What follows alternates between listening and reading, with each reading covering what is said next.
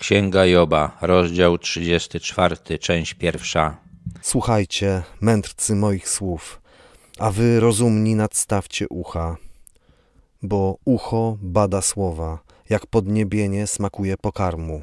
Elichu uważał, że to, co mówi, jest bardzo ważne i chciał, żeby ludzie mądrzy zastanowili się nad tym, co mówi, ocenili i sprawdzili, czy to ma sens, czy to jest słuszne.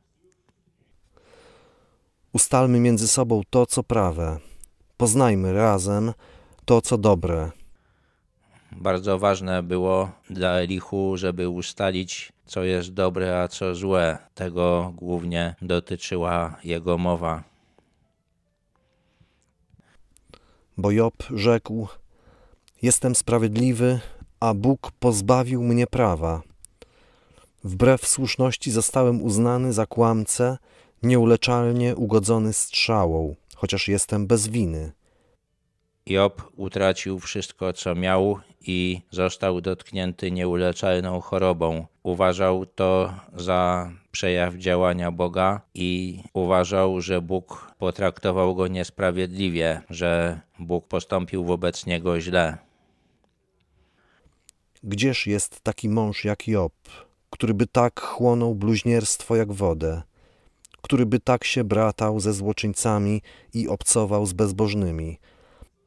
Job nie zdawał sobie z tego sprawy, ale w ten sposób bluźnił Bogu. Ten problem dostrzegali jego przyjaciele i próbowali to rozwiązać w taki sposób, że Job musiał popełnić jakiś grzech, o którym oni nie wiedzą. Elichu nie przypisywał Jobowi jakiegoś ukrytego grzechu, ale i tak uważał, że Job nie mógł zostać potraktowany niesprawiedliwie, bo Bóg zawsze postępuje sprawiedliwie. Zarzucając Bogu niesprawiedliwość, Job przyjął ten sposób myślenia, który ma każdy człowiek bezbożny i złoczyńca, choć nie był takim człowiekiem.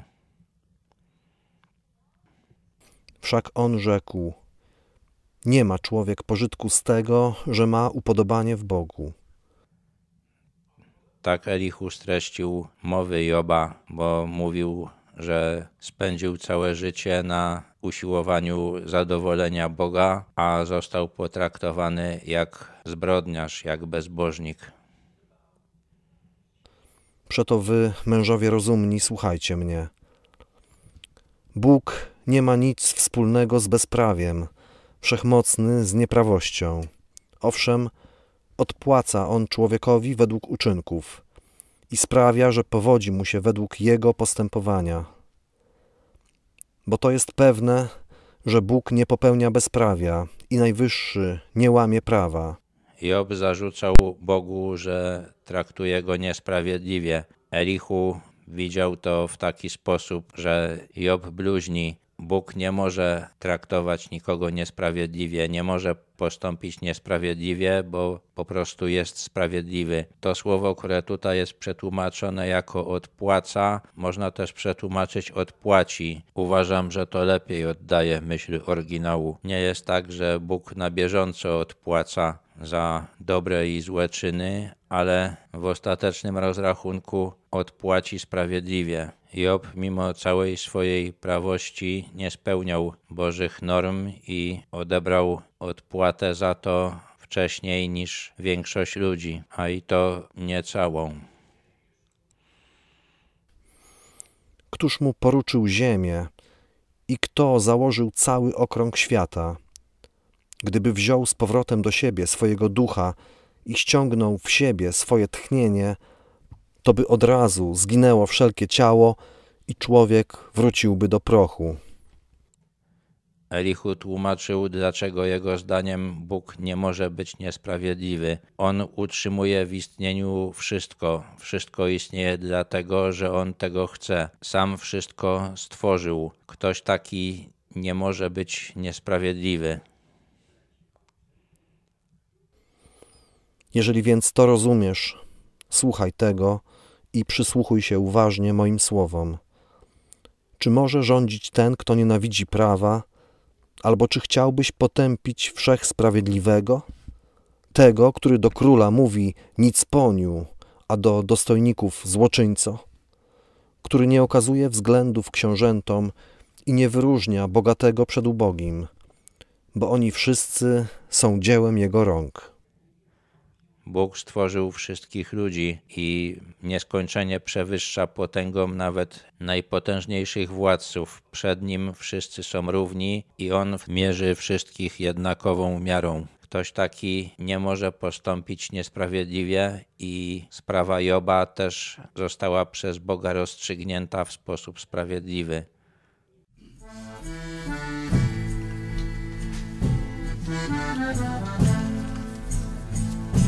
Oddajmy dziś Oddajmy dziś wiecznemu Bogu cześć. wiecznemu Bogu cześć. Niech nasze serca Nasze serca wielbią Go. On stworzył niebiosa, On utwierdził ziemi krąg. utwierdził ziemi krąg. Jego łaska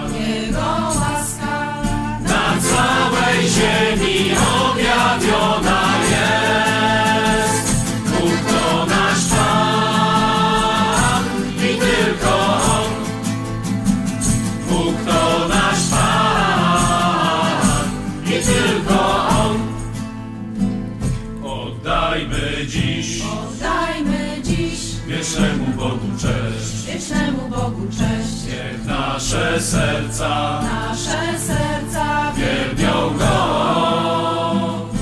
On stworzył niebiosa, On utwierdził ziemi krok, utwierdził ziemi krok. Jego łaska